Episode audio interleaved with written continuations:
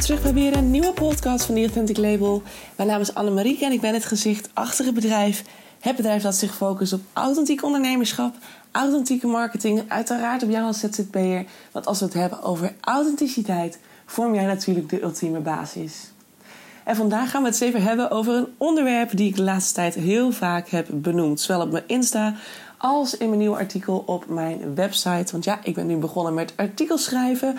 Als je mijn eerdere podcast gehoord hebt, heb ik dat al gezegd. Dat ik heel erg de nou, drive, het gevoel had van dat ik eigenlijk meer uitgebreid zou willen schrijven. Dat ik vaak op Instagram heel erg tekort kom door die uh, characters. Ja, je mag maar 200 of 2200 eh, characters gebruiken in een Instagram post. En dat ik daarin gewoon heel erg het gevoel heb van ik wil meer en uitgebreid kunnen schrijven. Meer de diepte in kunnen gaan over bepaalde onderwerpen. Um, dus ik ga niet bloggen, maar ik ga artikels schrijven, artikelen. Dus een soort van ja, iets uitgebreidere, iets serieuzere post dan blogs. Ja, ik weet net zo goed. Een blog, ja, past niet zo helemaal bij mij, denk ik. Ik denk dat een artikel beter past. Dus ik ben daarmee begonnen en ook die ging over identity creation. Over het creëren van een sterke identiteit. En waarom identiteit, een goede identiteit, nou precies het succes bepaalt van alles in jouw leven. Want wist je dat? Wist jij dat een goede persoonlijke identiteit alles bepalend is voor de succes en de kansen die je krijgt in het leven? Laten we eerst eens even starten. Waarom is een persoonlijke identiteit zo relevant en wat is het überhaupt? Want ik kan me heel goed voorstellen dat je denkt: ja, dat is weer zo'n vaag concept. Een vaag concept als bijvoorbeeld authenticiteit. Wat houdt het nou precies in en waarom is het zo relevant? Persoonlijke identiteit is eigenlijk niks anders dan jouw innerlijke kern. Het is eigenlijk precies wat ik heel vaak bedoel met authentiek zijn. En het grappige is, kwam ik achter toen ik allerlei wetenschappelijke artikelen las hierover. Weet, uh, authenticiteit en persoonlijke identiteit zijn heel erg nauw aan elkaar verbonden. Authentiek zijn betekent eigenlijk niks anders dan heel dicht kunnen blijven bij die persoonlijke identiteit die jij bent. Jouw eigen identiteit. Kan je daar authentiek aan blijven? Dus kan je jezelf blijven zijn? Zonder wat dan ook. Of zonder iets aan te trekken van mensen om je heen. Of whatever. Wat er ook gebeurt. Een persoonlijke identiteit is dus eigenlijk, zoals ik het zeg, is wie jij voelt en ervaart wie jij van binnen bent. Met daarin al je waarheden, je overtuigingen. Dat gevoel van ervaren en echt kunnen voelen van die, van die innerlijke kern. Dat is jouw persoonlijke identiteit. En een persoonlijke identiteit is eigenlijk iets wat al heel vroeg gevormd wordt. Je wordt als babytje geboren, je gaat, het wereld, je gaat de wereld in en je wordt eigenlijk. Jouw persoonlijke identiteit wordt gecreëerd door wat jouw ouders, verzorgers, opa en oma, um, oom en tantes, met mensen die toevallig veel in jouw leven zijn in in die eerste jaren. Wat ze tegen jou zeggen, hoe ze het doen, wat hun waarheden zijn, wat hun onzekerheden zijn, wat hun angsten zijn.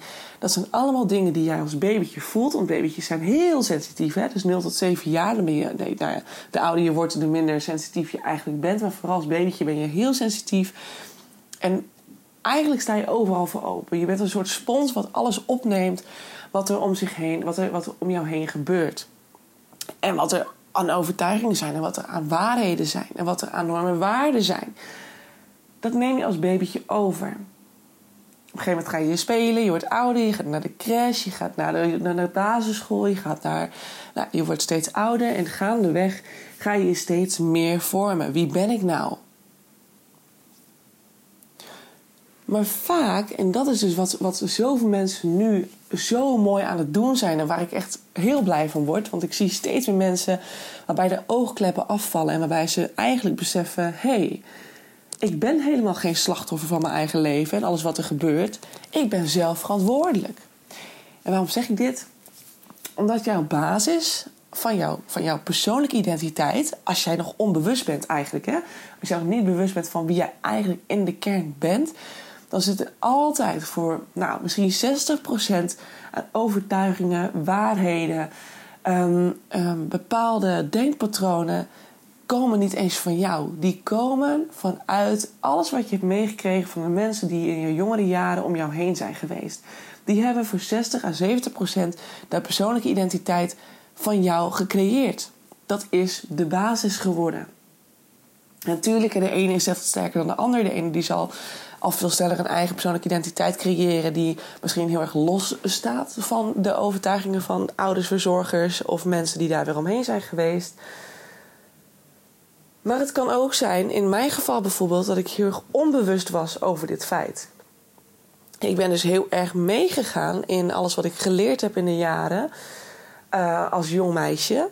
En heb dat eigenlijk nooit echt bewust gezien als iets wat los stond van mij. Ik nam het aan als van mij. Ik identificeerde mij met de waarheden, met de overtuigingen, met de denkpatronen, met de normen en waarden van de mensen die ik om me heen heb gehad. En met die normen en waarden ben ik eigenlijk heel blij hoor. Dus daar heb ik verder niks op aan te merken. Maar sommige overtuigingen en denkpatronen stonden mij uiteindelijk heel erg tegen. Maar ik heb nooit geweten dat deze overtuigingen, deze waarheden, deze denkpatronen een gigantische basis vormden van mijn persoonlijke identiteit.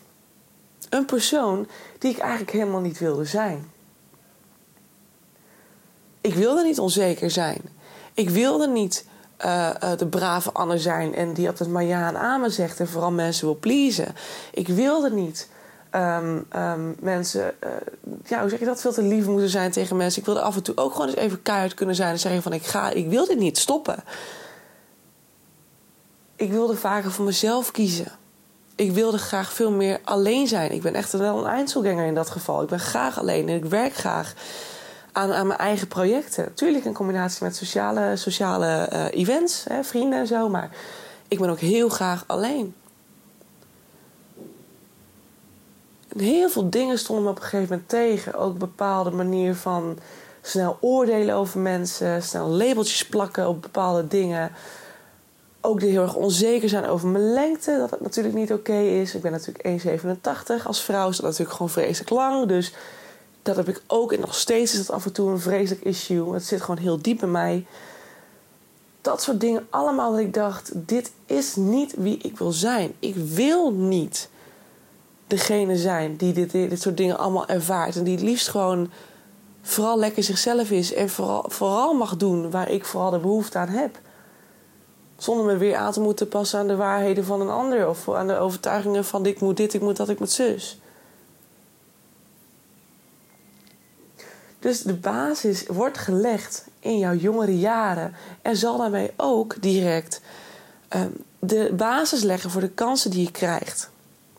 Als jij dus heel erg in onzekerheid bent opgevoed. Je hebt bijvoorbeeld ouders of verzorgers gehad. Of uh, iemand anders om je heen die heel veel impact op jou heeft gehad. En die heel erg onzeker was of heel erg bang was. Dat kan natuurlijk ook dat een moeder of een vader heel erg bang is. Um, dan neem je dat vaak als kind onbewust met je mee. En ga jij vervolgens exact hetzelfde gedrag vertonen. Dus veel meer in de angst zodra er iets gebeurt. Bijvoorbeeld met autorijden bijvoorbeeld. Dat je heel erg uh, bang bent dat je niet meer durft. En dat je denkt, hé, hey, dat komt mijn moeder of mijn vader die durfde dat ook niet. En nou heb ik dat zelf ook. Um, dat je bang bent en dat je denkt van ja, maar ik wil helemaal niet bang zijn. Ik wil gewoon ook een auto rijden en ik wil ook gewoon dit kunnen doen. Het zijn vaak stukken die we meenemen en die vervolgens dus bepalen hoe jij reageert in bepaalde situaties verderop in je leven. Dus ook als een kans zich voordoet, kan jij maximaal gaan. Ben jij bereid om extra, net even, net even het perfectionistische stapje te zetten, um, die jou wel die kans gaat geven die misschien iemand anders niet zou kunnen krijgen? Hoe, hoe ga je om met situaties? Als jij een, een vacature gaat beantwoorden, hoe, hoe, ga je daarop aan? Hoe reageer je daarop? Hoe, gaat, uh, hoe verkoop je jezelf? Mijn vader is bijvoorbeeld salesman, dus ik weet niet anders dan hoe ik mezelf goed moet verkopen. Dus ook met vacatures, als ik solliciteerde, was ik vaak wel degene die aangenomen werd. En dat is misschien of puur geluk geweest. Maar bij mij is altijd gezegd, als bedrijf zijnde zou ik ook graag dit en dit willen zien, zei mijn vader dan. En dan ging ik dat ook doorvoeren. Ik deed dat dan. En ik mag, mocht bijvoorbeeld het laatste toevallig sollicitaties doen vanuit een bedrijf. En toen dacht ik, jeetje, wat doen weinig mensen dat eigenlijk? Dat viel me echt op. Ik denk zo, ik heb echt wel vaak veel te veel gedaan en veel te veel moeite gedaan om ergens binnen te komen. Eh, wat uiteindelijk dan wel gelukt was. Maar ja, dus als ik zie wat andere mensen dan doen, dan ben ik misschien wel veel, heb ik mezelf misschien veel te ver gepusht om ergens binnen te komen. Had het misschien ook iets minder gemogen. Het bepaalt de kansen van je leven. Het bepaalt de kans ook op succes. Als jij vanuit een gezin komt wat heel erg onzeker was, wat heel erg pessimistisch denkt, wat heel erg al in plaats van dat iemand denkt van hé, hey, ik geloof in, um, in bepaalde kansen of in bepaald, ik geloof dat alles een bepaald succes zou kunnen worden als je maar hard genoeg probeert. Zo heb je natuurlijk ook mensen die zeggen: Ja, oh, oh, oh, nee hoor. Oh, wat een. Oh, gebeurt dit? Oké, nee, laat maar. Nee, dat gaat, dat, gaat het dan niet meer lukken. Dan is het al gedoemd mislukken. Ik stop gewoon wel met, met dit en dit. Of ik stop met mijn onderneming. Of ik stop met mijn, met mijn opleiding. Als je een keer een onvoldoende haalt, weet je, bijvoorbeeld zo. Ik stop met mijn opleiding. Het zet de toon voor alles in het leven. Maar, en dat is dus ook zo mooi als je dit dus beseft, dat je dus eigenlijk zelf verantwoordelijk bent voor alle kansen en, en, en ook het, de kans op succes in het leven, dat jij daar zelf verantwoordelijk voor bent en dat jij ook in jouw persoonlijke identiteit daarmee de basis kunt leggen, dan weet je dus ook dat je daar dus gewoon. Jij, jij, jij bent degene die daar dus uiteindelijk verantwoordelijk voor is. Jij bent degene die kan zeggen: deze overtuigingen dienen mij niet meer dit is niet van mij. Dit is van mijn ouders. Dit is van mijn schoonouders. Dit, of schoonouders. Dit is van mijn, van mijn, van mijn open oma. Dit is van mijn whatever. En daar komen we weer bij familiepatronen. Hè? Bepaalde stukken overtuigingen die niet van jou zijn. Laat ze los. Shift ze.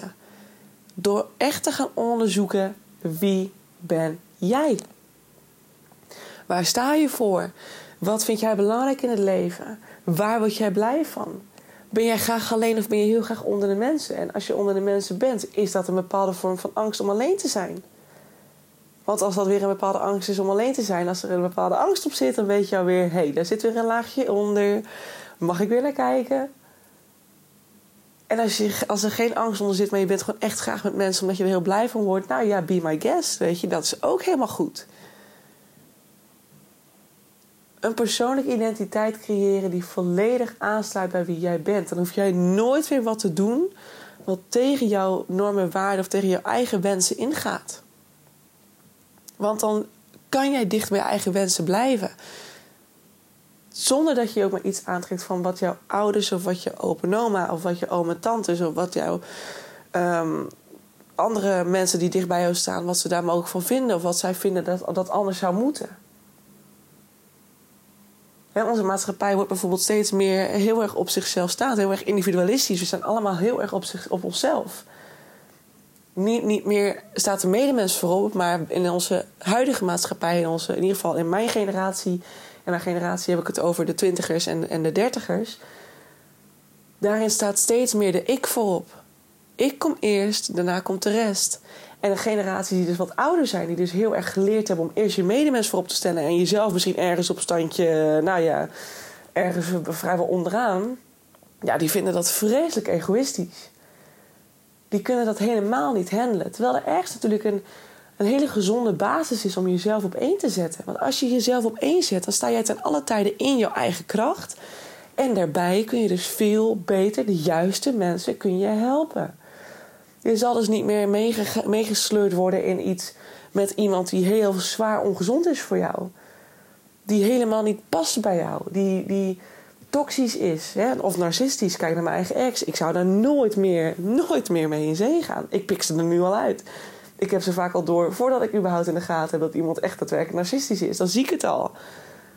En grappig is dat deze mensen ook van mij afstand houden nu. Dus dat vind ik wel mooi om te zien. ik heb een goede shift gedaan ik heb goede shifts uh, gemaakt afgelopen jaren. Dat is super fijn. Maar dat is dus zo mooi. Als je jezelf wel eerst op één kunt zetten. En je kunt jezelf de rust geven op momenten dat jij je rust nodig hebt. De meer kracht en energie je hebt om dus de andere mensen te helpen. Waar dus de generaties die ouder zijn, en ik wil niet overgeneraliseren, maar hè, in ieder geval de meeste mensen rond die leeftijd 50, 60, 70, 80 jaar die gaan soms op hun tandvlees door. Alles maar om de mensen om hen heen te pleasen. Maar wanneer beginnen die mensen dan eens met leven? Als ze met pensioen zijn misschien. En dan misschien alsnog moeten ze dingen doen die ze niet leuk vinden. En ik hoor vaker die generatie ook zeggen: ja, dat is dan maar wat het is. Je kunt dan niet altijd alles maar doen wat leuk is in het leven. Ja, ik sta daar dus anders in. ik geloof er wel heilig in dat vrijwel alles wat je kunt doen, dat er altijd een keuze is. Je hebt altijd een keuze je kunt anderen nog eenmaal niet altijd maar geven wat ze willen. Niet als het ten koste gaat van jou. dan gaat het in mijn ogen verkeerd. Of in mijn ogen gaat het naar mijn mening gaat dat verkeerd. Ik heb het zelf mogen meemaken. Ik doe dit never nooit meer. Dus jouw persoonlijke identiteit, zet hem sterk neer. Ga bij jezelf na. Ben ik nou helemaal wie ik heel graag zou willen zijn? Kan ik volledig vanuit mijn authentieke ik, degene die jij helemaal in de kern bent, als je alles zou mogen zijn, stel dat je alleen in een kamertje zit en je zou alles mogen doen en zijn wat je zou willen, wie ben jij dan echt? Wat mag de buitenwereld nu niet zien, maar wat zit er binnen in jou eigenlijk wel, wat heel graag naar buiten zou willen? Net als ik met mijn spiritualiteit, met mijn, met mijn interesse in persoonlijke ontwikkeling, met mijn interesse in het brein, in het menselijk lichaam. Oh, maar ik durfde het echt niet. Maar in mijn eigen studiootje was ik daar alleen maar mee bezig. Het was waar ik toen voor leefde. Ik was zo op zoek naar mezelf. Het was voor mij een van de meest belangrijke processen die ik ooit heb doorlopen. Maar ik durfde het niet te vertellen aan de buitenwereld uit angst dat ik gejudged zou worden. Dat mensen een oordeel zouden hebben. Dat mensen het niet oké zouden vinden. Dat ik vrienden zou kwijtraken. En het grappige is, dat is allemaal niet gebeurd. En nu ben ik oud in die open. Ik heb er zelfs mijn werk van gemaakt. En mensen vinden het juist alleen maar mooi. Ze komen juist voor adviezen naar mij.